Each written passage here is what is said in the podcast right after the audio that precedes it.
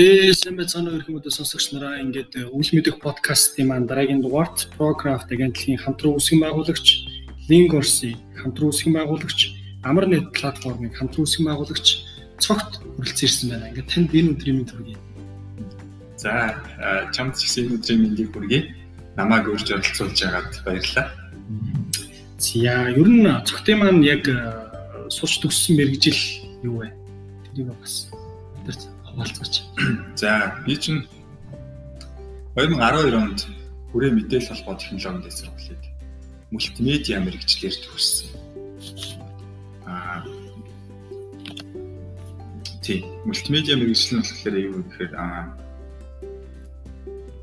ер нь бол нэг график дизайн гэж ойлгож болно. Гэхдээ илүү нөгөө нэг аа одоо бүхэл төрлийн одоо мультимедиа төрлийн одоо юу вэ гэдэм гэсэн. Медиа гэдэг дотор чинь саунд, дуу, тэгээ дуу бол тэгээ дүрс бичлэг тэгээд аа мөн нөгөө нэг интерактив элементүүд ч гэсэн ороод ч юм те.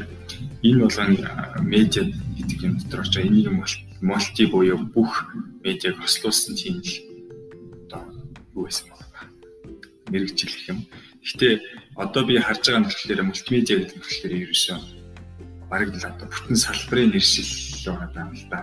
Тэгээс яг одоо одоо бол бүх юм ингээд амар нарийсаад илүү нарийн мэрэгчлүүд байж байна. Тэгээд манай Монголд маань нарийн яг ингэж мэрэгшүүл төгсөхгүй айгүй ерөнхийдөө төгссүүлээд байдаг. Тэгээд тэгээд сургуультай яг би бас э, их юм сурсан. Аа Гэхдээ бас сураагүй юмнуудаа ч гэсэн дараа нь амар их мэдэрсэн төгсний хотоор амар их юм сураагүй байна. Дутуу байна тийм. Тэр нь бол төгсөнгүүтлээ би нөгөө одоо уушнаар бол promotion craft одоо бол pro craft гэж нэртэй болж байгаа компани их нэртэйгээ хамт үүсгэх байгуулаад тэгээ шууд эхэлсэн одоо 8 жил болж байгаа юм да. За ер нь яагаад тэр мэрэгжлийг сонгох болсон бэ? Аа сонгох болсон шалтгаан бол бусадтай их адилхан энгийн нь бол багасаа л зураг зурх дуртай байсан. Гэхдээ илүү юм багасаа гэхдээ зураачуулна л гэж ярьдаг байсан. Гэхдээ аа миний нөгөө сонирхолтой юм нөгөө уран зураг мураг бол биш. Илүү юм юу байсан? Шугам зураг, геометр тий ийм хичээлүүстэй хамгийн дуртай байсан. Хамгийн төрүүлжил нөгөө шугам зураг, геометри дуусгадаг хүүхдүүдийн даалгаврыг нь хамт хийлцэж өгдөг юм уу тийм хүлээсэн да. Тэгээ тэрэндээ дуртай болохоор яг ингэ дизайн гэдэг мэрэгжил амар зүг юм байна гэсэн. Тэгээ бүр өмнө эндээ дуртай болохоор бас нэг өөр мэрэгжил сонгох гэсэн архитектор.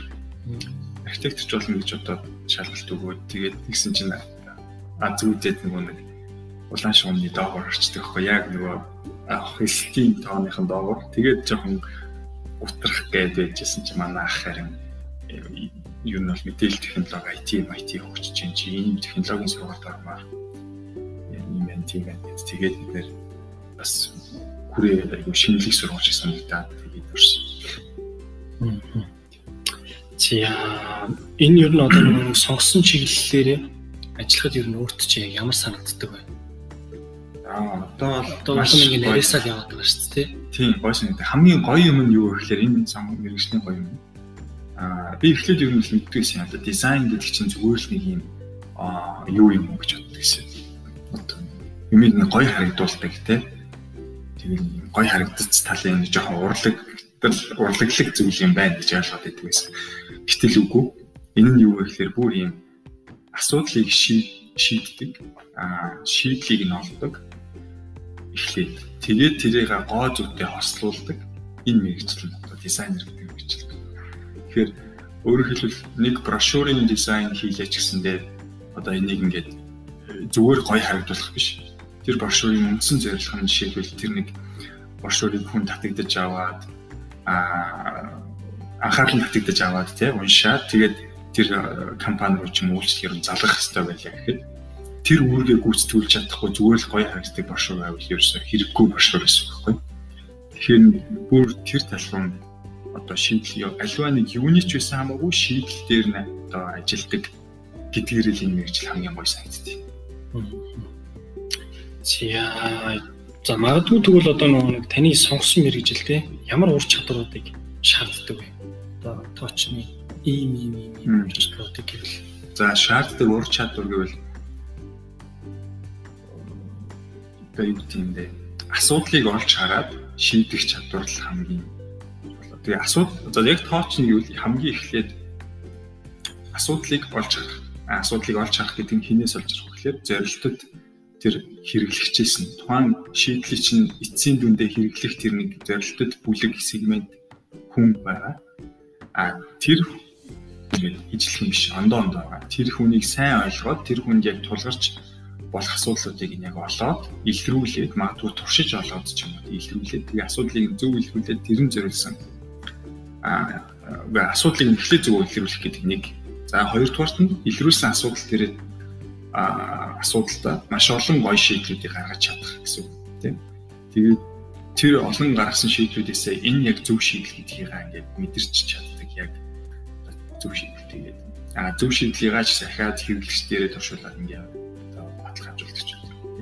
Тэр үргэлжлэл энэ одоо critical thinking гэх үү англиар бол тийм problem solving skill хөө тийм гэсэн. Тэгээд а тэр нэг тухайн зорилтод хүнийгээ ойлгох гэдэг чадвар нь болохоор англиар empathizing гэдэг чадвар юм лээ. Энэ зүгээр харилцааны төвшөнд илүү амар хэрэг болдог дизайнер ч гэсэн айгүй хэрэг болох чадвар юм. Empathizing гэдэг skill. Тэгээд дараа нь problem solving асуудлыг харсан бол одоо яаж шийдэх үгтийг аргыг ингээд өөр өөр өнцгөр бүтээлчээр ингээд хайж орж ирэх хэлдэг олон гой шийдлүүд гаргаж чаддаг. Тийм л юу гэсэн үг. Тэгээд бүр сүүлд нь одоо нөгөө нэг дизайнерын ур чадвар буюу одоо за гоо зүүн талаасаа ямар ямар бай одоо а одоо юу гэдэг принципл гэдэг л одоо дүрм журмуудыг барьж гой харагдвал зүгээр үү гэдгийг мэдэрч чаддаг байх хэрэгтэй гэсэн. Тэ одоо тэр дээр бол тэр тал руу бол одоо зохиомж өнгө сонголт аа тий а фонт typo фонт буюу одоо энэ дээр typography буюу а текстүүдийг яаж хонхон зөв байрлуулж ямар яах вэ а бүр дараалаад а мэдээллийн юу гэж байгаа бас мэдээллийн бүтцийг ингээд зөвөр байрлуулдаг. Одоо аль мэдээлэл нь чухал, аль мэдээлэл нь чухал тус гэдгийг нь яар гаргаж ирээд тэрийг нь алийг нь яагаад томоо бай, алийг нь яагаад жижигээр, алийг нь яагаад тодоор, алийг нь яагаад бүдгээр байлгах хэрэгтэй гэдгийг гаргаж байх ёстой гэсэн үг. Тэгэхээр хамгийн суур чадвар бол асуудлыг олж хараад асуудлыг шийтгэл гэж энгийнээр ойлгож байна. За мэрэгчлэрийн ер нь ажиллаж байхад одоо жишээлбэл тулгардаг нэг төгөөмөрлөлийн ингийн алдаа гэдэг шүү дээ. Энийг би яагаад ингэ хийчихвэ гэдэг тийм. Тийм алдаа нэг өөртөө чинь тулгарч ирсэн үү? Тулгарч ирсэн бол ямар алдаа тулгарч ирсэн бэ? Тэр тулгарч ирсэн алдаанаас юу суралцсан бэ? Гайсаа. Аа нөгөө дизайнер хүний хувьд одоо дийлэнх дизайнерууд л тийм байдаг болов гэж боддог. Ер нь бол ингээд төгс алдаагүй юм хиймээр байдаг. Ерөөсөө л бүх юм дээр алдмаар байдаг. Ер нь алдахыг хүсэж байгаа хүн байдаг л хальтаа. Гэхдээ ингээд а хамгийн нэг номерт болохоор юу юм бэ? Бид нар өөрсдийн гаргасан ямар ажиллаж байгаа нэг ажил бүтээлийгээ өөрсдөндөө маш нэгт холбочдөг юм байл л дээ. Одоо би нэг юм лого хийчихлээ гэхэд чинь тэр лого бол миний хийж байгаа ажил биш. Бараг л би өөрөө тэр лого юм шиг санагддаг байхгүй. Аа тэгээд хүний нүдэнд харагдах зээл ажил хийдэг болохоор хин ч хамаагүй үржээд гоё байна, муухай байна гэж шууд хэлчихнэ. Тэр болгонд ааш бараг л намайг гоё байна, муухай байна гэж хэлж байгаа юм шиг мэдрээд би одоо аа яана гэдэг би одоо төгс биш байна гэсэн мэдрэмжтэй ингээл ч юм уу. Ингээд байгаад ийм мэдрэмжтэй анх байсан л одоо алдаа гэж хэлнэ.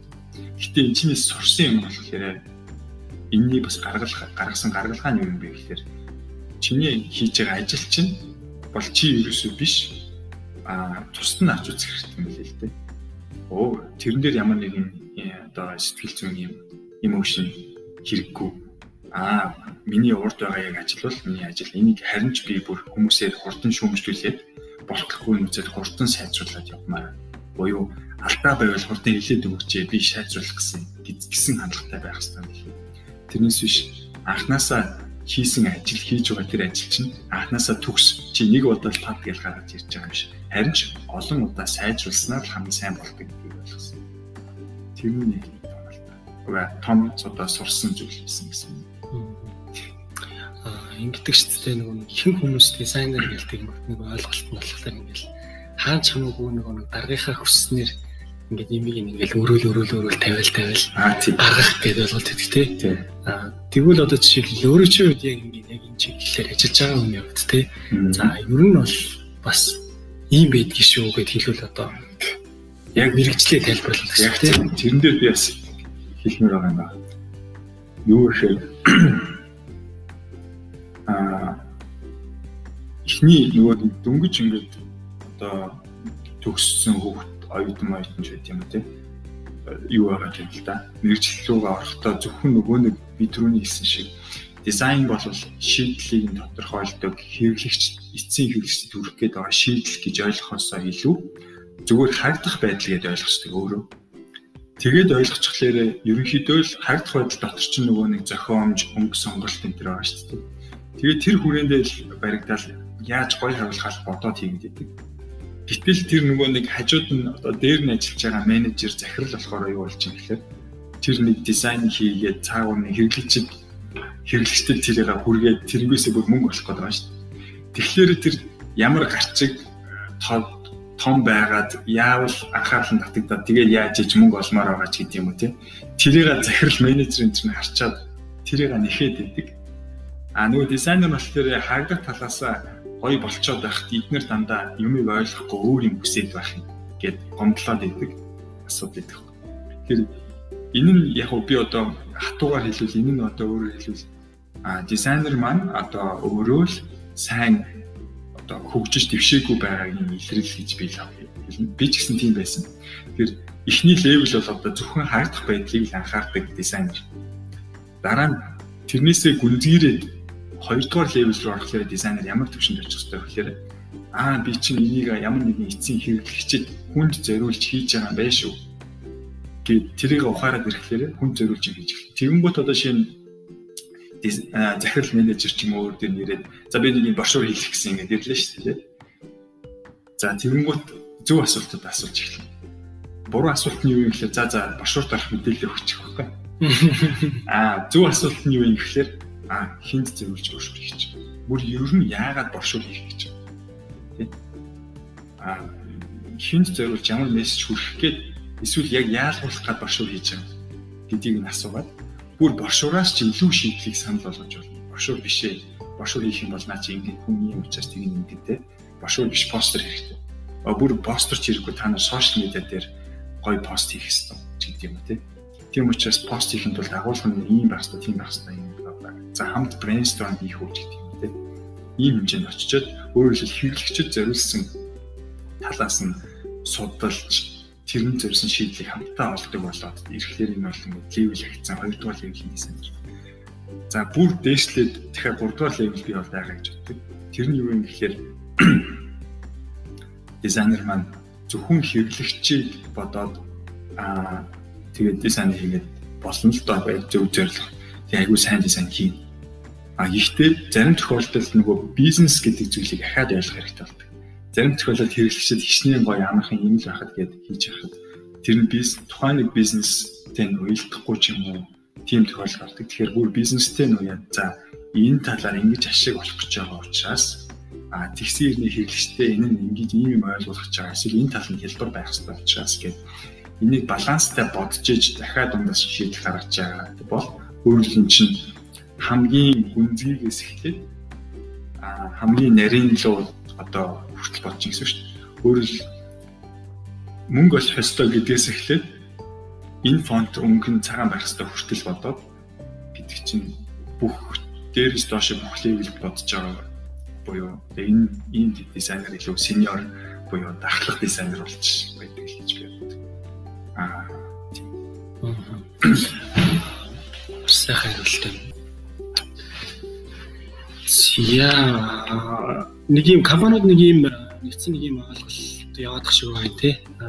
Жишээлбэл одоо нөгөө нэг өөрсдийн гэсэн логогоо өөрсдөө нөгөө нэг зурангуудаа хар зургаар зураал тэгэл за энийг ингээ нэг юм гоё юм мөнгөнд оруулаад хийгдэг гэж жишээлбэл тийм магадгүй нөгөө нэг түрүүн ярьжсэн нэгдүгээр ливлийн нөхцөл дээр окей за нөгөө нэг хар зураг өгч гэж гэдэг юм те ингээ хийждэг юм.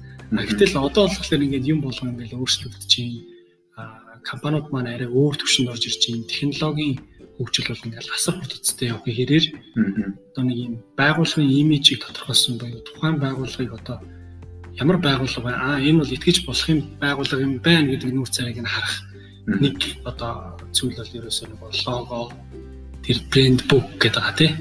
Тэгэхээр одоо брэнд бук гэж юу вэ тий? Магадгүй нэг брэнд бук гэж ярих бол ингээл их хүмүүс ойлгохгүй шүү дээ. Аа наадах ч одоо юу яах гэж байгаа юм ч гэдэг юм тий. Ааха. Зөв. Энд дээр нэг хамгийн эхлээл нэг юм ойлгох хэрэгтэй юм л л дээ. Юу брэнд биш вэ? Танаа байгууллагын нэр чинь бол брэнд брэнд чинь биш. Лого чинь брэнд чинь биш. Өнгө чинь брэнд чинь биш. Тэгээ юу брэнд гэхлээр танаа тэр байгууллага болон бүтээгдэхүүн үйлчилгээ нь тэр чинь яг ингээд авж байгаа, хүртэж байгаа хүнд төрж байгаа гүн мэдрэмж нь сууж байгаа хоногшж байгаа тэр мэдрэмж нь брэнд чинь гэж байна.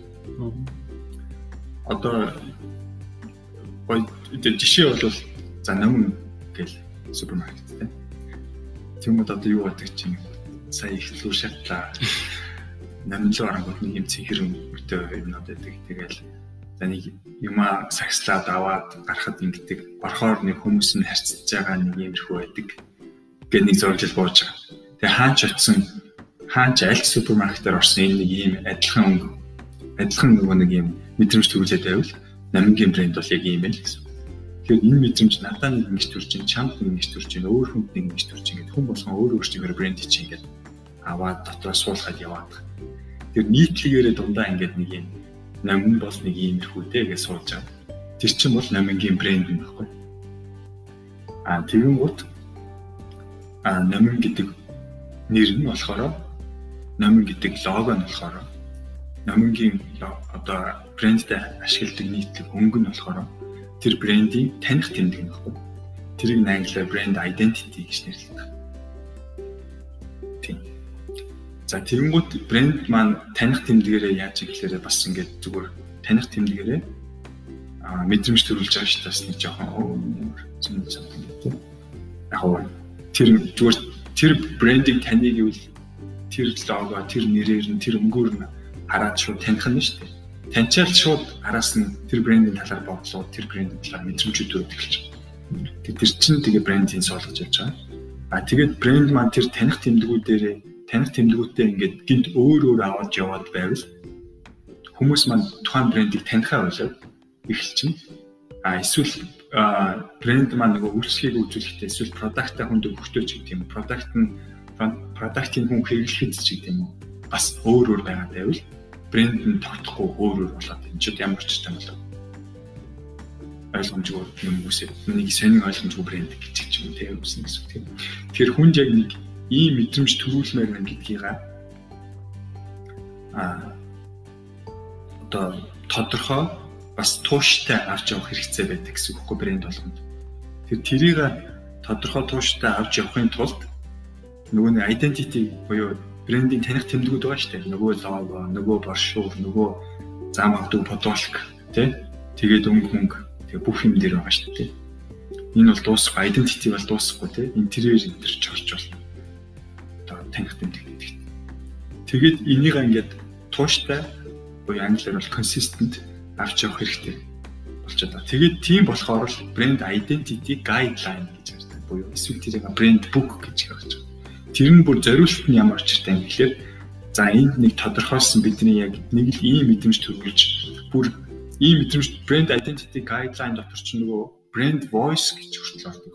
Өөрөөр хэлбэл Twitter дээр ямар тооноор бичиж бичиж бичих ёстой вэ гэсэн стандарт ордог гэсэн үг. Өөрөөр хэлбэл нөгөө нэг төрүүлж байгаа мэдрэмжээ ч гэсэндээ нэг хэвийн тууштай авч явах байгаа учраас тэр болгоныг guidebook буюу brand brand guideline book дээрээ одоо бүгдийг стандартчилж өгсөн мэдэхгүй. Энэ өнгөний код нь шүү. Энэ хэмжээ дамжаан шүү. Энэ одоо сошиал дээр бичих өнгөний чинь тон шүү те. Одоо текст чинь тэгээд постэр дээр ингэж шүү тийш шүү. Бид нэр брэндтэй ийм мэдрэмж төрүүлсэн шүү. Бүр even хувцлалт дээр ингэж анхаарч ингэж явна шүү гэдэг ч юм уу. Ингээд баяжаал явааддаг гэсэн стандартууд. Тэгээд энэ стандартыг яах гэж байгаа болохоор өөр хин ч энэ стандарт одоо ямар нэгэн дизайнер байна уу? Хэмжлийн хүн байна уу? Тэ? Энэ identity-г нэг юм хийх гэж байгаа хүн энийг нь алдагдуулахгүй хийх юм хийгээсэй гэж үднэс брэнд identity-га тухайн брэнд эзэмшигч нь өгдөг байхгүй. За энэний дагуу хийш үү? Энээс алдагдуулчихгүй шүү. Өөр ойлгож болохгүй шүү. Тэр нь тийм ч альтвэр алста том зургаараа нөгөө брендийн ха хүнд хүмүүстэй төрүүлж байгаа тэр мэдрэмжээ тууштай одоо юм доктортой нэг мэдрэмжээр авч явмаар байгаа учраас л гэсэн үг. Одоо брэнд бүкийг хийлгэчлээ. Тэгэнгүүт шилбэл брэнд бүкийг оюуны өмчөр ч юм ямар нэгэн байдлаар тэрийг эзэмших боломж байдаг юм уу? Тухайн компани одоо нэг брэнд бүк хийлгэчлээ шүү дээ. Энэ бол манай өнгөө.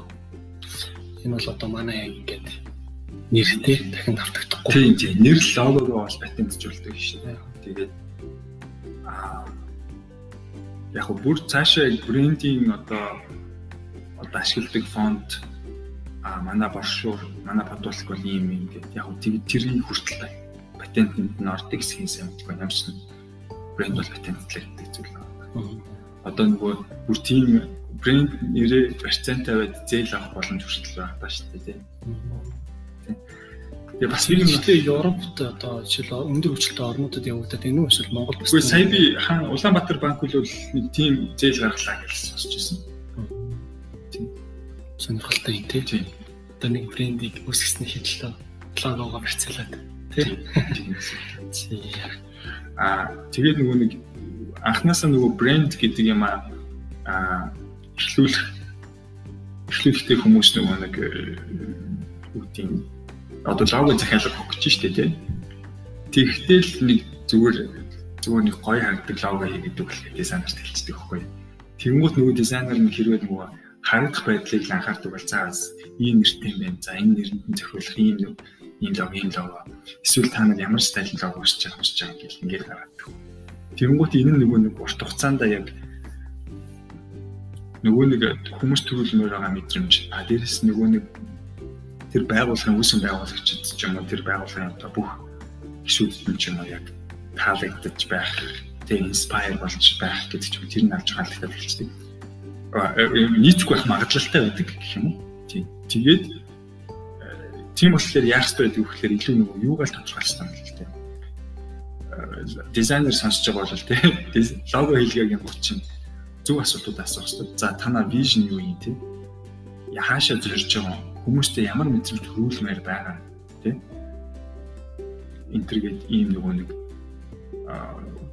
брендинг алсын хараа үнэт зөвлөл а брендинг одоо зорилтод үзэгч хэрэглэгч тийм ээ а магадгүй өрсөлдөгч өрсөлдөгчөөс яаж халгарч байгаа ийм юмнуудыг нь асууж ээж тэрэн дээр суурилж эргэл хайгуул хийгээд за тэгээд та нар ийм ийшээ зориод ийм зорилт үзэгчтэй тэгээд ийм юм болохоор л ийм логоны хөлбөр гаргалаа гэд тайлбарлахаар хүн бол ойлгож хүлээж авч тэр лого баталж чадчих.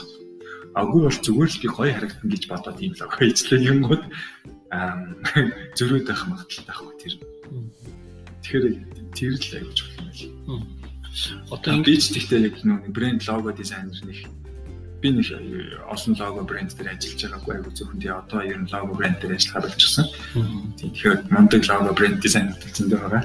Одоо би илүү нэг нэг веб мобайл app дизайн буюу UX UI дизайн гэдэг тэр төвлөрөө илүү тэр тал руу чиглээд ProCraft маань ч гэсэн тийшээ чиглээд ингэж явж байгаа шүү. Аа. Нэг тодорхой хэмжээнд бас нэг энэ дизайнерууд яг юу хийд юм бэ гэдгийг магадгүй сонсдог сонсож байгаа хүмүүс байж болж шүү дээ. Юм бол одоо жишээ сонирхолтой байж магадгүй. Миний нөгөө нэг иргэн тойрон жишээ брэнд бук гэдэг ингээл юм ингээл айгүй хөрөндөг хөхгүй. Тэгэнгүүтэл ингээл энэ брэнд бук болмол гэл тэгэнгүүтэл энэ өнгөний ингээл юу болмол гэл ингээл амар ярьдаг. Юу шиг би бол нөгөө нэг дизайнер мэрэгчлэлтэй хүн биш учраас жишээл тэр өнгөийг үнэхээр одоо хүнд ингээд ойрхон хамгийн түрүүнд тус хөнгө тим өнгө жишээлбэл тим кодтай байвал ингээл тийм өнгө би болохоор мөн л гэж байгаа байхгүй тий. Тэр яг тэрийг нөгөө илүү сонирхолтой болгох шүү дээ. Асуусан за мэрэгчлэрээ ерөнхийдөө ажиж байх үеийн одоо амжилттай хэрэгжүүлсэн сайн туршлага юу хуваалцах вэ? Зөндөө бол туршлага байх тий. Тий. Би яг одоогийн байдлаар амжилттай хэрэгжүүлж буй туршлага бол design sprint гэж хэлмээр байна. Аа design sprint нь болохоор яг ингээд аа альва нэг бүтээгдэхүүн үйлчлэгээний дизайныг нь гаргахад аа багаараа захиалагчтайгаа хамт ажиллаж болдог тийм гоё процесс байхгүй. Тэр тэр энэ процесс байхгүй хахад нөгөө бид нэр ажиллаа хийхдээ бол амар юм удаашралтай одоо тийм зам гаргалцсан л байдаг байсан байгаа тоххой. Ингээл нэг юм одоо юу гэдэг зөв буруу батлуулах аа тэ захиалагчаараа санаагаа батлуулах, матлуулах процесс амар удаан Тэгээ энийг би бид нар нөгөө тийм хэрэгжүүлж эхлэе дотооддоо сайжруулаад тэгээ энийг би нэг ийм байх хэрэгтэй байна гэдэг ийм процесс өөрийн гэсэн бас ийм майндсет гэдэг ч одоо ийм хогтгонтай болцсон нь надад айгүй амжилт шиг санагддаг. Үргэлжлэл миний ажлын процесс гэсэн үг л тэгэхээр. Тэгээд ийм нэг ийм юм судалж өөрөө өөртөө мэдлэг ухаар философиуд нэмсэн нэг философич өгөх нэг мэдлэгүүд нэмсэн нь л одоо амжилт гэж би бодож байна. Аа нэг амар бахархмаар за тэр төсөл энэ төсөл гэж нэг тэгээд байх ч юм хэцүү л тэгтэй. Аа зөв. Буцаад нөгөө нэг одоо мэрэгжил рүү ингээд ороход те UX UI дизайнер дизайн спринтинг мастер гэдэг те. Тэгэхээр яг энэ хүн одоо жишээлбэл яг ийм чиглэлээр одоо мэрч байгаа юу хийдэг гэсэн үг гэж тарж байгаа лээ. За ерөнхийдөө бол одоо дизайнер мэрэгчлээ өнгөхээр их их тохиолдолд график дизайнерууд гэж ойлгодог. Тэгээд яг хуу мэдээж хувц дизайнер гээл интерьер дизайн гэж байгаа. Тэгээд тэгээ нийтлэг аягүй их байдаг. Мэдгүй аягүй их байдаг уу гэж. График дизайнер гэдэг тийм. Тэгээ график дизайн дотроо ингээд аягүй их салж байгаа юм нэг салаан учир гэх юм тэр нь болохоор web mobile app design гэдэг. Энэ одоо graphic design дотор баг харьяалах болж нүү гэж мэддэг болж. За ямар ч сан ингээд web mobile design гэдэг тусдаа салбар болоод явчихж байна л. Тэгээ энэ нь юу хийдэг вэ гэхээр яг л энэ web mobile design гэдгийг аль хийдэг гэсэн үг. Одоо интернетэд байгаа бүх веб сайт а а бүх одоо гар утсан дээр байгаа mobile application-ны а дизайн болон ажиллагааг нь тодорхойлоод хардах хөдөлгөөн шигсэн тодорхойлдог юм web mobile app design буюу UX UI designer гэж. UX UI гэдэг нь болохоор user experience гэдэг нь UX, user interface гэдэг нь UI гэж. Буюу UX гэдэг нь болохоор тухайн app эсвэл web-ийн илүү ажиллагааг нь тодорхойлж буй хэрэглэгчид очихдоо яг ямар яаж ажиллах зүгээр үү гэдэг хэрэглэгчийн талаас юм юм тодорхойлдог хэрэглээ талыг нь тодорхойлдог юм хэлж байгаа. А user interface гэдэг нь болохоор илүү тэр одоо хэрэглэгчийн хүрэлцэж байгаа тэр дэлгэц харьцаж байгаа юмных нь харагдах байдал болоод одоо бас харагдах мэдрэгдэх байдал тийм тэр бол нэг хийж байгаа. Тэгээ энэ хоёрыг нь тусад нь энэ хоёр чинь байнга л хамт байж аж бодит нэг юм болж хөрдөг байгаа. Ямар ч UX-ийг бодохгүйгээр UI хийж гэхлээр болохгүй а ямар нэг UI-гүйгээр UX-ийг нь харуулъя гэхээр чадахгүй. Учраас байн хамт хэлэгдэж явдаг. Тэгэл web mobile app designer буюу UX UI designer гэж. Сайн ойлголоо. А тэгэд design sprint-ийн master гэж тийм design sprint-ийн master гэхээр одоо яг бас яг юу юм хөө. За design sprint master гэхээр түрүүний миний ярьсан design sprint гэдэг ийм дөрвөн өдрийн workshop-ийн процесс байгаа. Энэ нь болохоор хэрэглэгчээр а одоо ямар нэгэн бүтээгдэхүүний ID гарна шүү дээ. Тэрийг шууд ингээд хэрэгжүүлээл шууд бүгдийн одоо хэрэгжүүлээл тэгэл зах зээл дээр гаргаад лонч хийгээл. Тэгэл хэрэглэгчдэр очингод өө буруу байж гээл. Тэгэл дахиад тэрийг сайжруул санаа гаргаад дахиад хэрэгжүүлээл. Тэгээ лонч хийгээл ингээ явах юм. Яваад идэг байхгүй. Тэхийн оронд шууд энэ санаа гэдэг одоо төлөв дээр байхад нь шууд хэрэглэгчдэр аваачаад туршуул яа гэдэг юм design sprint гэдэг юм workshop хийдэг байхгүй дөрвөн өдрийн дотор багаараа 3-7 хүн нийлж байгаа. Тэгээд энэ дөрвөн өдрийн workshop нь яг юм а step by step юм цагтай минуттай хурдан төрөвчлсөн а вакуумчсан гэх юм workshop. Энийг энийг ингээд нэг хурлын дараах баятай. За одоо энийг хийгэрээ. Одоо ийшээ фокуслаараа энэ зүг энэ буруу чи тэрийг бойл энэ тэр гээд одоо нэг хайрцаглаж явж байгаа хүн нэг дизайн спринт мастер гэдэг байхгүй. Аа өөрөөр дизайн спринт facilitator хурлын дараалалтай. Тийм. Би сүүлийн үед одоо хэд олон спринтүүд за 50 орчим болчихно одоо 50 гаруй болчихно design sprint facility гээд сайн сайн туршлагаж явж илээ болчихсон шүү дээ. Зөндөө олон хийсэн биз дээ. Ерөөсөө нэг хэсэг каптыг харуулдаг юм шүү дээ. Нэг 2 3 үг л хийлээ гэдэг нэг нэг танаа медиум үг татдаг байхгүй. Тэгээл уншиж ялгаа энэ стайл ихтэй байна да гэх. Одоо нэг байхгүй. Зя карьерээ ерөнхийдөө хэрхэн төлөвлөсөн бэ? Тэгээд ер нь одоо төлөвлөдөг үү? Төлөвлөл хэдэн жилээр юм төлөвлөлтөг вэ? Яг карьер одоо төлөвлөлт гэдэг юм яг юм ч өөр ойлгох. За би карьер би зүгээр карьер гэхийн өмнө юу боддог вэхээр аа би нэг амьдрал амьдралдаа ингээд юу хийчихвэл амьдралаа юу яаж өнгөрөөвөл надад хамгийн гоё тэ сэтгэл ханамж өндөртэй аз жаргалтай харамсахгүй аа тийм байх байл гэдэг асуулт эхлээл өөрөөсөө тавиал тэгэл өөрөөр хэлбэл чи мөрөөдлөө тодорхойлоо тэрийг зэрлэг болгох гэдэг санаж. Тэрнтэйгэл бүх миний хийж байгаа ажил уягдсан байж би өнөөдөр ажил хийж байгаа биш зүгээр л хоббигоор happy байгаа юм шиг санагдсан гэж надад байхгүй. Тийм болохоор л би юу одоо яг дуртай мэрэгчлээ сон сонгох мэрэгчлээ дуртай. Тэгээд мэрэгчлэрээ одоо цаашаа яавал зүгээр үү гэдэг интеграт тодорхойлол. Тэгээд нэг яваад байгаа. Аа тэгээд би одоо сая нэг аюу их гоё шин харагдаж байгаа. Одоо нөгөө иймч founder тэрч founder гэдэг co-founder аа тэрний учраас би одоо юу зүгээр ингээд UX UI design гэдгийг хөөгөл ингээл ер нь бол явнаа л гэж бодож байсан. Гэхдээ ингээд яваад байхад би надад нэг дахиад яг өөрийн гэсэн юм нэг бүтээгдэхүүн хийгээд аа тэр нь ингээд Монголын хүмүүст ямар нэг ач тус өгдөг аа тийм одоо чаленж надад аюу хэрэгтэй санагдав. Би тэгж үзмээр санагдаад болтгоо. Тэгэл ерөнхийдөө ийм co-found хийхээс аргагүй байдал руу ороод явчихсан гэсэн. Тэгэхээр мэдээж давхар co-found хийж байгаа аа стартапынхаа дизайн дээр нь за мэдээж ахлахаар ажиллах хэрэгтэй болно. Тэгээд өөрөөр UX UI дизайнерын карьер ингээд шууд их явж байгаа. Хажуугаар нэг юм entrepreneurial карьер гэх юм бас яваад байгаа гэсэн үг тийм. Тэгэхээр дизайнер slash entrepreneur гэсэн тийм юм бол би тийм яваад байгаа гэсэн. Их класс ингээд заримдаа аа би одоо юу л уч өсчээд байна да.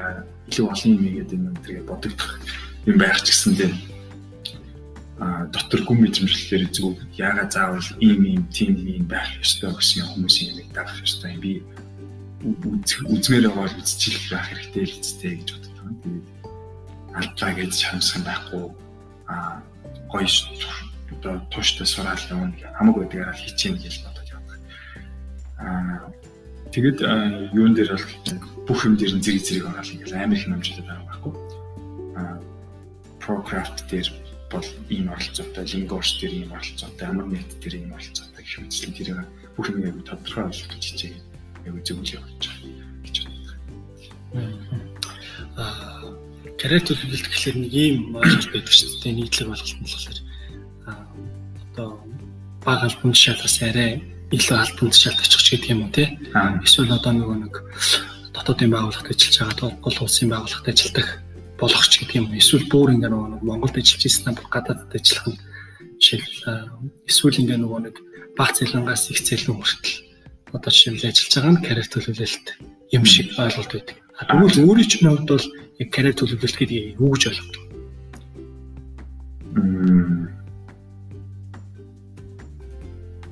би болохоор ямар нэгэн мэрэгчлэр одоо тухайн хүн ингээд төгссөн сурсан бол за үгүй сургалт төгсөөгүйсэн ч болно шүү дээ. Ямар нэгэн мэрэгчлэр ямар нэг юм сурсан бол цаашаага яаж тэр мэрэгчлэрээ тэр тэр мэрэгчлэлтэй сурчсан. Тэгээд бас дуртай бол тий. Цаашаага яаж ахих ахих ёстой вэ гэдгийг байнга сурч судалж байхыг л карьер төлөвлөж юм л гэж ойлгож байна. Одоо би жишээ нь дизайнерийнхаа хувьд а одоо дандаа л барууны одоо тий Америк, Европ, Англи үгүй барууны одоо улс орнууд дизайны хувьд хамаагүй хөгжсөн, хамаагүй түрүүнд явдаг. Тэд нэр хааш технологи руу хаашаа хөгжиж чинь ямар хэмжээний дизайнууд явж чинь тий тийшээ байн хараад тэр үднээс шинэ мэдээлэлүүд аваад за миний дараагийн чаленж бол одоо ийм юм сурах хэрэгтэй болох юм байна. Жишээлбэл веб мобайл app design гэдэг ярьж юм тиймүүд одоо хүмүүстүүд бодлого VR зүгээд эхлэн тэ а VR дээр интер дотор ингээд интеракт хийгээд бие биентэйгээ ярилцаад тэр дотор ямар нэгэн брауз интернет браузинг хийгээд бие биентэйгээ чатлаад ямар нэгэн товчлууд дарах хэрэгтэй болно тийм. За энэний дизайн дээр нь орж ажиллах хэрэгтэй болно гэж тийм тийм. Тэгэхээр VR дизайн дээр би карьераа яаж өсгөх вэ гэж бодож байгаа чинь. За VR дээр би карьераа өсгөх ёстой тул ийм ийм юмнуудыг сартаа судлаад байнга ингэж явах хэрэгтэй. Тэр хавцаа жил болоход би VR дээр нэлээд гайгүй дизайнтай болцсон байна гэдэг ч юм уу. Жишээ. Ингэж мэрэгжлийнхаа төвшөнд яаж ахиж явах төлөвлөгөө гаргахыг л карьерийн төлөвлөлт гэж боддог. Зя одоо нөгөө нэг анх ажлын гараагаа хаанаас эхэлчихээ одоо хүртэлх одоо нөгөө нэг одоогийн жишээлбэл те энэ олон компани үүсгэн байгуулагчийн хувьд хаанаас ажлын гараагаа эхэлчихээ тэгэд хизээ анхны ажлын гарааг би оюутан байхдаа ажиллаж эхэлснээс л эхлэн дөө а бүр анхны компани чинь юу Digital Eyes гэдэг технологийн компани. Би веб дизайнераар ороод. Яа тохой дотоод ямар л сух дизайнер гэсэн. Одоо тэндээс л анх эхэлчихсэн тэгэл а дизайн хийгээл эхэлчихсэн. За тэгээ дараа нь бас Солонгос хэвлэлийн компанид ажиллаж исэн. Хэвлэлийн хөлтөгчээр ажиллаж исэн. Аа бүр сургуультай сонингийн их үлтгэгч хийж ялаа. Аа за гих мэтлэн тэр ажлуудаас эхэлсэн л болж таарлаа. Тэгээд дараа нь төгсөнгүүтлээ мэдээж промошн хавтаа эхлүүлж гисэн тэгээд яваалсан яваалсан. Тий. Аа тэгээд дундуур нь аа Лингорсын хамтаа таарсан. Аа тийм Лингорс гэдгийг хамтран үүсгэн байгуулж эхлүүлсэн. Аа би ч ондагаал юуслаа. Гэтэ тэрний өмнө нөгөө нэг аа найзуудтайгаа нийлээд бас BMOS тэгээ дизайн agency а байгуулаад эхэлсэн. Тэрэн дээр болохоор бид нөгөө за гуруулаа бол ингэ явбал арай нөгөө нэг арай зөрчилгөөгүй зам жимбо вижн жоох өөр боллоо гэд а эгүй өвтэй нартай тэгээ салаад одоо BMOS-ыг маань найз аваад явуулчихлаа л да. А тэгээд тийм байна. За тэгээд дараа нь а Тийм тэгээд дараа нь бид нэр ихэд юм дээр юу амар нет гэдэг одоо энэ чинь бид нар сайхан нэрээ болсон нэрээ. Тэгээд аа ийм платформ үүсгэн байгуулах ийм саналтай хүн ирээд тэгээд гэсэн чинь тэр нь яг миний бодож исэн бас зорж исэн платформ гэдэг санаа яг нэг байж таараад тэр юу хамтрах уу гэдэг шийдэл одоо гараад тэгэл ерөөхдөө хамтраагээд тэг хэлсэн ч одоо жил гарны өмнө 2 жилийн юм баг болох гэж байна. Өмнө нэг promotion craft ч одоо нэг хамгийн анхны 2D л тий. Аа хамгийн анхны одоо тайлбар видео тайлбар. Аа хөдөлгөөнд тайлбар видео хийдэг агентлаг байсан. Анх ихсэн вижн бол амар гоё. Ер нь ингээд хүмүүс ингээд хоорондоо юм тайлбарлаад ингээд ойлголцох гэж эсвэл нэг бүтээгдэхүүн үйлчлэгийг хин нэгэнд товчхон ойлгуулах гэж тий. Бүтээгдэхүүн болгоно Coca-Cola биш шүү дээ. Coca-Cola зэрэг нэг телевизэн реклам нэг ийм амархан симпл тайлбарлаж болохгүй бүтээгдэхүүн зөндөө үүсгэхийн зөндөө а зөв зөвхөн бүтээгдэхүүн үүсгээ биш төсөл юм ямар нэгэн санаа байна тий одоо захиралтай ойлгуулмаар байгаа санаа байж болно зүгээр эсвэл бүр амар том байгууллага тайлбармаар байгаа тайлан байж болно ч тий эсвэл бүр нийгэмд ойлгуулмаар байгаа маш том мессеж хийж болно тий тэр нь амар комплекс юм. Тэгэл хүмүүс энийг яг яаж хамгийн энгийнээр хамгийн товчхоноор хүнд хүргэж ойлгуулахыг аль мэдтгүй байна гэд бид нар энийг эхлүүлээд явсан. Тэгсэн чинь бол тухайн үед ингээд инфографик график гэдэг тренд болж ирсэн. Аа тэгээд тэр эхлүүлээд ингээд явсан чинь бид нар бол ингээд бүр зохиолоос нь эхлээд хамт brainstorm хийгээд ингээд storyboard гаргаад бүгдийн зураа тэгээ бүгдийн хөдөлгөөр ингээд амар их том процессор нь хийдэг гэсэн баггүй. Зүгээр л за юу гэх юм бэ текст өгчих бид нар зураа шууд өгчих чинь ш. Эхнээс нь хамт brainstorm хийж байгаа бүр тэр санааг нь бүр шигшээд хамгийн минимум товчхон дээр нь аваачаад тэг хүнд ойлгох чинь юу юу гэдгийг ноорог хэлж тестлээд тэг. Ингээд хийдэг юмчсэн. Тэгээд юм бид нар маань Монгол маань энэ ингээд яг ер нь ингээд урт процесстэй болчихлоор чинь үйлчлэг маань үнэтэй болно. Тэгээд энэ үнэтэй үйлчлэг маань яг үнэтэй чигээр нь авах хэрэгцээтэй айгу цөөхөн болоод эхэлчихдэг. Тэгээд тийм үү бид нар бизнесийн хувьд энийг ингээд яг энэ дээрээ тогтоол ахиж дэвшээ явах нь айгу тийм гарц ирнэ айгу ховор харагдаад айгу хэцүү санагдаад гэж. Тэгээд нөгөө талдаа бид нар ялангуяа биелдээ илүү нөгөө web mobile app design, design sprint гэх байлгын хараад эхэлчихсэн байсан. Тэгэл бид нар ерөнхийдөө ийм хоёр нэг зэрэг хэсэг явж үзэх гэсэн юм болохгүй байна. Тэ зөв pivot одоо хийж ингэж шилж яа гэдэг. Тэгээ бид нэр web mo option а тайлбар видео гэдэг үсгээ хаяад тэгээд web mobile app design тэгээд design sprint consulting гэдэг үсгээр төвлөрөөд а нэрэн дээр маань pro motion craft гэсний дундлын motion гэдэг үгээ хасаад pro craft болгоод бид нэр цаашаа явсан. За За одоо магадгүй нөгөө нэг энэ чиглэлээр сурах гэж байгаа тийм. Эсвэл одоо сурж байгаа эсвэл бүр ингээд ажил дээр дөнгөж гараад ингээд левел эхэлж байгаа тийм. Ийм одоо нөгөө нэг залуучуудад хандж яг ямар зөвлөгөө өгөх вэ?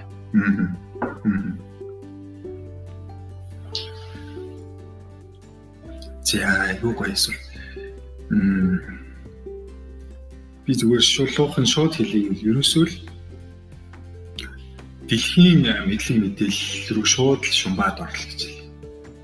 Хизээч бити өөрийгөө Монголын эсвэл энэ хотын Улаанбаатар хотын дизайн дизайнерууд гэдэг чинь тэрнээс хайгаад тэрийг судлаад тэрийг хүлээгээд тэрнтэй өөрийгөө жишээд тэгж явж болохгүй. Чихмээр тэгээ байнга өөрийгөө хурцлж явах юм чинь дэлхийн түвшин шүүлж байна. Өөрөөр хэлбэл өнөөдөр тэгээ мэдээллийн технологи 90 121 зуунд а юу болж байгаа гэхээр өнөөдөр дизайнер хүн ялангуяа тий хаана Монголд байна уу? Хаана энэ ерөөсөө хамаагүй? Дэлхийд гараад ажиллах боломжтой хаанаас ч хамаагүй ажил хийж болно гэсэн тий тэгэхээр өнөөдөр бид нэр дэлхийн хэмжээний цалин өссөөр Монголтой ажиллах боломжтой байгаа. Тэгэхээр нэг номерт хэл ус мэдлэг мэдээлэлээ шууд зузаадах гэж байна тэгээд сурах гэж байгаа бол заавал бас дэлхийн мэдлэг рүү шууд чиглэж хэлмэн. Заавал бас Монголын сургалтын төв Монголын сургууль гэдэг байхгүй. Монголд өнөөдөр би тэр хэлсэн яг ингээд тэнс одоо спортын ингээд салбараар нь л ингээд ерөөхдөө мэрэгшүүлэхэд ядаж байгаа л гэж би хэлнэ. Гэтэл дэлхийн түвшинд эн чинь бүр нарийсаад тий олон салаад бүр өөр өөр болоод ингээд явж байхад бол манай сургууль сургалтын төвд маань хоцрогдох гэдэг тэндээс хуулбарлаад өөрөлд хуулбарлах жоохон тэндээс ингээд мэдлэг мэдээлэл аваад авсныгаа доошо түгэж шүү. Ягаад заавал тэр мэдлэг мэдээлэл авсныг авснаас нь авах хэрэгтэй гэж шууд анхны их сурвалж асан тэр тийм одоо авалтаа хийж билээ. Одоо түрүү нөгөө нэг англи хэлэх хэрэгтэй гэж хэллээ шүү дээ. Тэгэхээр өөрөө хувьд юу англи хэл яасан? Аа Миний хувьд одоо ч гэсэн сурсаар л нэг амар сураад дууссан юм байна. Гэхдээ одоо бол би нөгөө нэг ямар ч юмыг ямар ч мэдээг мэдлэг мэдээлэл блог а видео байлгсан уншаад ойлгоод асуудалгүй. А Тэгэхдээ бичиж нөгөө нэг амар гоё ингээд бичвэр мэйл зээл ч юм блог англиар бичигдэл айгуу таа. Аа за тэгээд зүгээр ингийн ярианы төвшөнд бол асуудалгүй ярьж байгаа. Жохон агсан төвшний яриад ороод ирчихвэл жохон гацц зүгээр тэгдэг ба. Аа тэгээд сурсаар л. Тэгээд яриа мэрэга нэг дажгүй болгосон шалтгаан ер нь бол нөгөө нэг бүгд л одоо 10 жил их сургуульд битүүл англи хэлээ үзэл хийдэг шүү дээ. Тэ? Тэгсэн ирнэл нэг ингээл за он цаавал өгдөг. Тэгсэн ирнэл ярьж чаддгүй байгаад гэдэг. Би бол адилхан тийм л байсан. Одоо дүрмээ нэг мэдээл логикоор тэр чинь бодоолаа. За энэ дүрмийг цээжилчүүлээ гэж шалгалтай болон зарчуулна. Гэтэл чи яг хэрэглээд бүр ингээд өөрийнхөө амьдралын одоо хөвшилсийг гоё болгоод тийм хит хинтэй ч хамаагүй англиар нь жоохон жоохон ярьцдаг өөртөө ихтэй болоод тэр төвшөнд очих чинь дахиад тэрнээс дэш хэрэгтэй болт юм л. Тэгээд миний юунд азар юу бас ихлэ би нөгөө бид нар 12 онд компани үүсгэн байгуулчаа тэгээ байж e-hub гэдэг би нэг гадаад найзтайгаа таарсан. Бид нар ихлэ юу бизнес хамтрагч болоод одоо бол зүгээр л дотны найз шиг л байдаг байхгүй. Тэгэхээр бизнес хамт тийм гадаад бизнес хамтрагчтай болчихлоор би бүр байнга л өдөр болгон ярих хэрэгтэй болсон. Тэгэхээр би баг жил гараа ингээд ярихаас аргагүй. Тэгээ манай хүн болохоор надад ингээд амар юу ууж ханддаг гэсэн байхгүй би ингээд үүш ойлгохгүй байна дахиад хэлээд өгөөч гэдэг англиар хэлдэг гэсэн. Юу яг наад өгч юу гэсэн үг юм гэдэг англиар хэлгүүлээ асан. Ядаж ингэж асууж чаддаг байх юм л шүү. Ойлгохгүй байна. What does it mean? Аа тий I didn't get you гэд тэр мөрийг хэлж чаддаг байх хэвээр тий. Can you repeat again гэж хэлж чаддаг байх юм л ядч. Тэгээ хэлчихвэл нөгөө хүмүүс маань ингээд эргүүлээ тайлбарлаад аа ингээд дахиад ойлгохгүй юм аа эргүүлээд англиар нь сонсоод ингээд яагаад ч юм. Тэгээд ингээд ярьсаар байгаад жил жилийн болсон дараа би нэг харсан чинь нэлээд дэжгүй зүгээр л ярьдаг болсон байсан. Тэр л их түлхэж болсон. Тэгэхээр ярианы дадлага гэдэг бол амар хэрэгтэй санагдсан. Тэгэхээр унш уншаад сонсоод тэг ярих гэдгийг байнга л хийж харт юм лаа. Би хажуугаар мэдээж зөвхөн яриад байгаагүй. Байнгын л ингээд видео бичлэг үзээ. Тэгээд блогууд айгүйх юм шиг байсан. Блог өдр мэдхгүй гаргууд хэлж байгаа.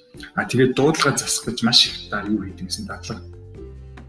Одоо нэг TH-тэй өгнүүдийг те 33 3 free гэдэг чинь бүгдийг хэлж жээж ямар дадлага сууж байгаа.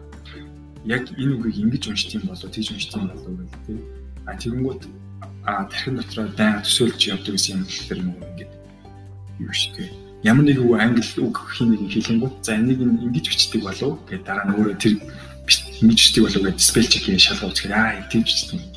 Тэнгүүт дараа нь ямар ч үгийг уншиж чаддаг болов их зүгээр дуудаж чаддаг болов хэлчихэв. Тэгэнгүүт тэгээд англи үгийг зүгээр дуудаж туршиж үзэх боломжийг ерөөсөө алдахгүй. Би зүгээр ингээ алхаад явж байхдаа янз бүрийн хаяг адрес англи англи үг тааруулах нь бол дотроо байнга хэлж үзэл хэлж үзэл явдаг гэсэн Энэ миний бодлол нийлж хэлж тэр англи хэл бол зүгээр амьдралын салшгүй нэг хэсэг баг хоёр дахь хэл болох ёстой гэж би амар захимаа.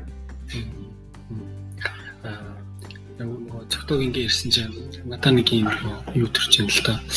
Аа нэг одоо болсон явдал юм да. Надаа нэг тохиолдож ирсэн. Би ингээ нөгөө өмнө болохоор одоо одоогоос нэг 6 7 жилийн өмнө да. Ингээд компьютер дээр шивхтэй хэсгийг ингээ харан заавал Монгол хонд байхгүй ингээ шиж гэл ингээ тэгэл дэлгэцрүүгээ нэг хараад ингээ ингэж хийдэг гэсэн байхгүй. Тэгээ тухайн үед болохоор би ингээ нэг аим хурдан шийдэг юм бол нэг хасаа ингээ хасаа хасаад байхгүй. Та яаж ингэж юм хурдан шийдэг болов гэдэг байхгүй. Гэсэн чи ингээл өө яахт тэгэл ингээл ажиллаа хийхдээ ингээл эхлээд бол удаан хийн тэгэл ингээл бич гол бичээлэх хэрэгтэй.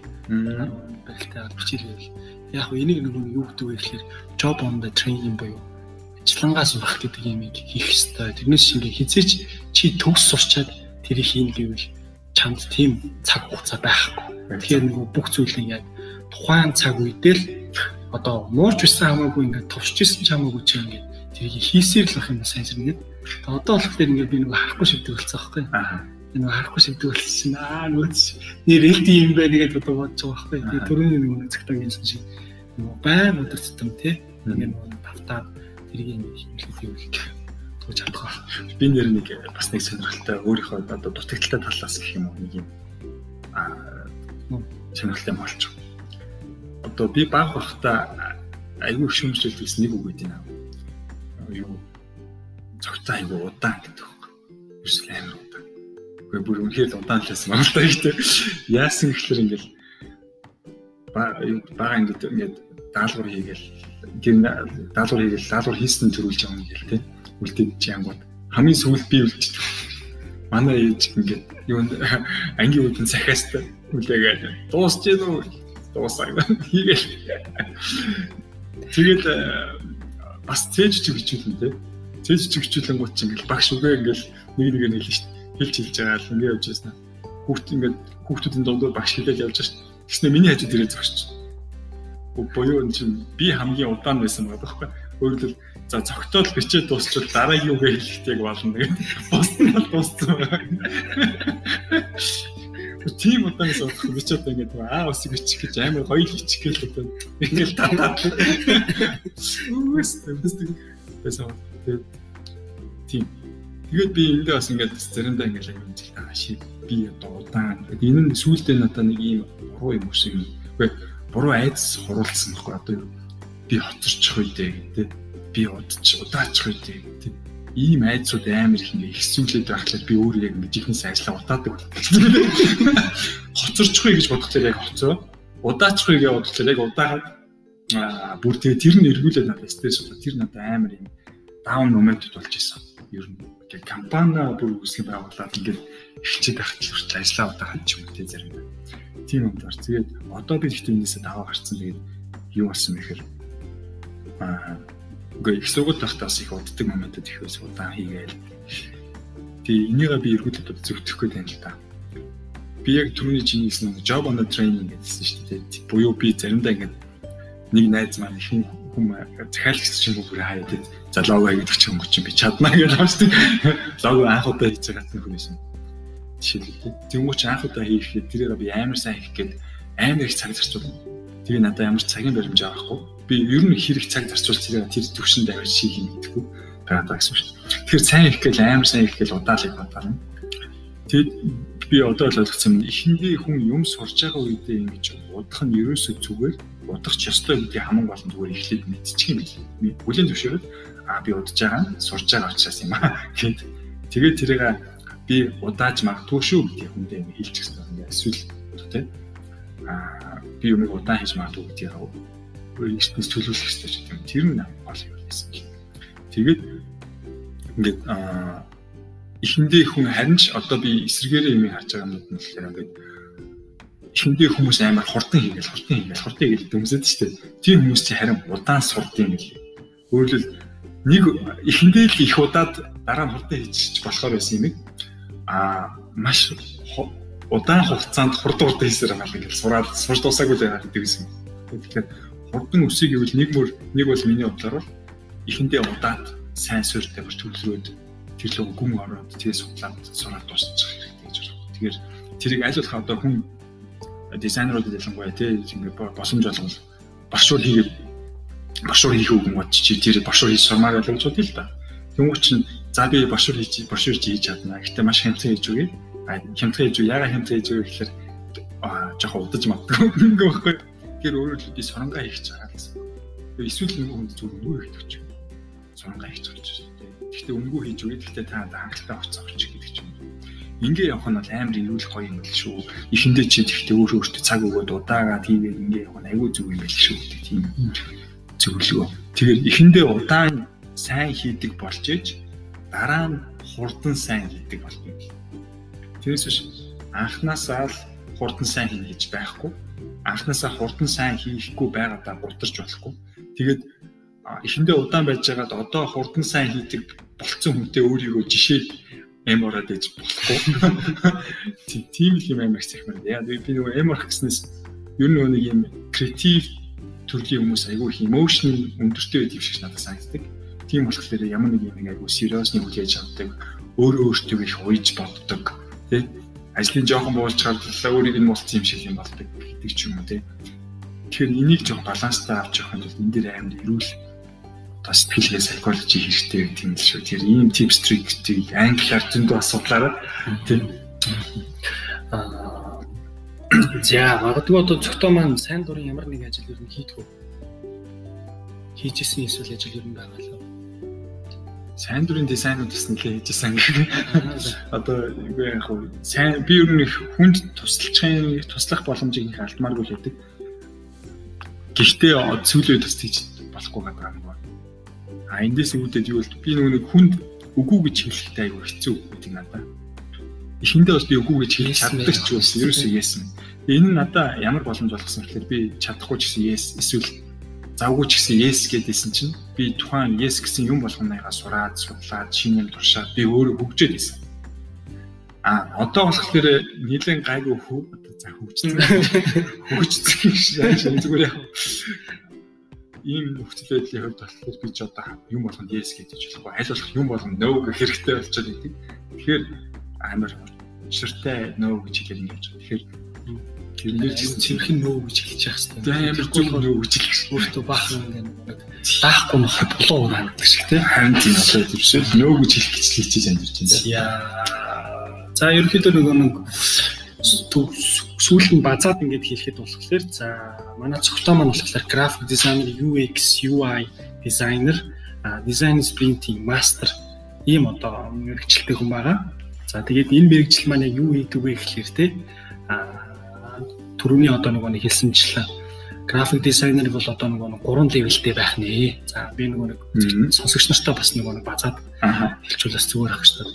За нэгдүгээр левел бол угаасаа нөгөө нэг бичгээ өгчих гэдэг левел ах нь тийм дизайнерууд зүгээр ерөөсөө л нэг ширэх үг харагдчих байдал талын харагдах байдлыг чи ямар харагдмаар байна? Ямар харагдуулмаар байна? Хичээвэл уучлаарай. Энэ бол нэгдүгээр левлийн хүн бахна шүү. За тэгээд хоёрдугаар левлийн хүн маань болохоор ямар учиртай вэ гэхээр яг яагаад энийг хийх гэж байгаа юм бэ гэж ингэж танаас асуух нь. Тэгээд энийг яг хүнд үзүүлэх гэж байгаа гэж асуух нь. Тэгээд энэ яг эцсийн дүндээ яг тухайн хэрэглэгч болон компанид ямар ашигтай юм бэ гэдгийг ингээд асууж мэдэж тэр ингэж өөрийнхөө одоо нэг бодлын юмда тунгаасны үндсэн дээр тэрийг ингээд хийх гэж ингэж ажил руу орж байгаа бол шийдчих асуудлыг шийдчихий те. Үнэхээр одоо яг нь юм тохирсон өнгө айс тэр зураглал тэр бүх юмыг оруулж өгье, бичиглэлийг оруулж өгье шиг юм те. Им хийя гэх юм бол одоо ингээд хоёрдугаар левел. За 3 дугаар левел нь болохоор хэвлээ. 3 дугаар левел нь энийг бүр бизнестэй уйж бодох бүр бизнестэй нэмж бодох. Нөгөө хэрэглэгч нь яах вэ гэдгээс илүүтэйгээр бүр нөгөө бизнесийн өнгө аяс нь яг яах вэ? Бизнесийн ямар одоо шаардлага одоо ашиг болох чинь ингэж бизнес модель гэж байгаа шүү дээ. Ингэж ажиллах шаардлагатай байна гэсэн шаардлага. Дээрээс нь хэрэглэгчийн шаардлага байгаа. Энэ хоёрыг хамтд нь уйж бодож шийдлээ гаргах гэж байгаа байхгүй уйж гаргах. За ийм төвшөнтэй байх юм бол за окей ер нь бол 2 3 тай таарах юм бол та бол нэг алцахгүй юм байна. Магадгүй нөгөө дизайнер хайж байгаа, дизайнер юм хийх гэж байгаа одоо ийм хүмүүс магадгүй сонсож байгаа бол тий. А нэгдүгээр левлийн дизайнерууд бол дэшээ тэр 2 3 дахь левлийн хүмүүс юм ярьж байхад тэр нь зүгээр хүлээж аваад тэрэндэн зориулсан шийдлээ гаргаж явах хэрэгтэй. Гэтэ энийг гэхдээ нэгдүгээр левелийн дизайнер гэдэг муу дизайнер гэж ойлгож ерөөсөө бас бас болохгүй. Зөвхөн одоо энэ дизайнерын мэрэгчлэл чинь бас нарийсаад зөвхөн нэгдүгээр левелдээ л би амьдрий гэсэн хүн байгаа байхгүй. Тийм тэрэндээ айгүй сайн супер хүмүүс байгаа байхгүй. Тэгэхээр тэрэн дээр нь дээд ийм зөвхөн харагдах байдлыг нь шууд гой болгож хийдэг хүмүүс илүү нөгөө production төрлийн дизайнерууд гэсэн үг. Гүйцэтгэж ойлгож болох одоо нэгдүгээр левелийн түвшний хүн байхад хоёрдугаар левелийн бүсэд хэрэггүй л гэж. Тэгээ хоёрдугаар левелийн үгээ тэгж болох. Хоёрдугаар левелийн хүнтэй хамтарч юмаа гаргах гэдэг юм. Эсвэл хоёрдугаар левелийн одоо хүмүүс одоо менежер ч юм уу тим юм гарч тэрийг зүгээр ойлгож тэр шаардлагад нийцүүлж хийж явах гэх юм аа тийм. Аа тэдэртэй ингээ харьцаж ажиллахдаа ер нь ингэж ажиллах хэрэгтэй шүү. Тэрнээс ч зөвхөн хааштай байдлаар ч юм шүү дээ гэж бодоод байх хэрэггүй л гэсэн санаа. Гэтэ энэ саний миний 1 2 3 левел мэвэл гэдэг байгаа юм. Би зүгээр өөрөө л зохиосон. Миний өөрөнд гаргасан юм шиг нэг амар манай цогтойгийн ойлголтоо туршлагаас үүдсэн одоо левлийн хэд ангилалт юм биш үү. Тэгэхээр та бүхэн бас тий бодлоо энэ дундаа авахын аваад хаяхын хайн үзээ тэгээд UX UI designer гэхлээр user experience user interface гэсэн тийм interface ийм одоо нэг хүчтэй байгаа. Энийг болохоор задлагатай яг монголоор гэж залах вэ? За user experience гэдэг нь илүү хэрэглэгчийн дадал зуршилчийн дадал зуршил нөгөөх нь болохоор хэрэглэгчд хэрэглэгчийн интерфейс гэдгийг нийлүүлсэн үг байхгүй. Тэгээд энэ web mobile app-ийн design, UX гэдэг нь илүү ажиллагаа хэрэглээг нь тодорхойлдог. А user interface гэдэг нь илүү харагдах байдал болон мэдрэгдэх байдлуудыг нь тодорхойлдог. Нэг нь харагдах, нэг нь одоо ажиллах тий. За ийм. За design sprint-ийн master болохоор жишээлбэл та ингээд компанийнхаа ямар нэгэн бүтээгдэхүүнийг арах гэж байгаа бол тэр одоо бүтээгдэхүүнийг нь болохоор зураглаад одоо чиглүүлэг хийгээд сургалтаар вакуумжсан сургалтаар тэрийг нь шууд туршиж үзэх боломжтой.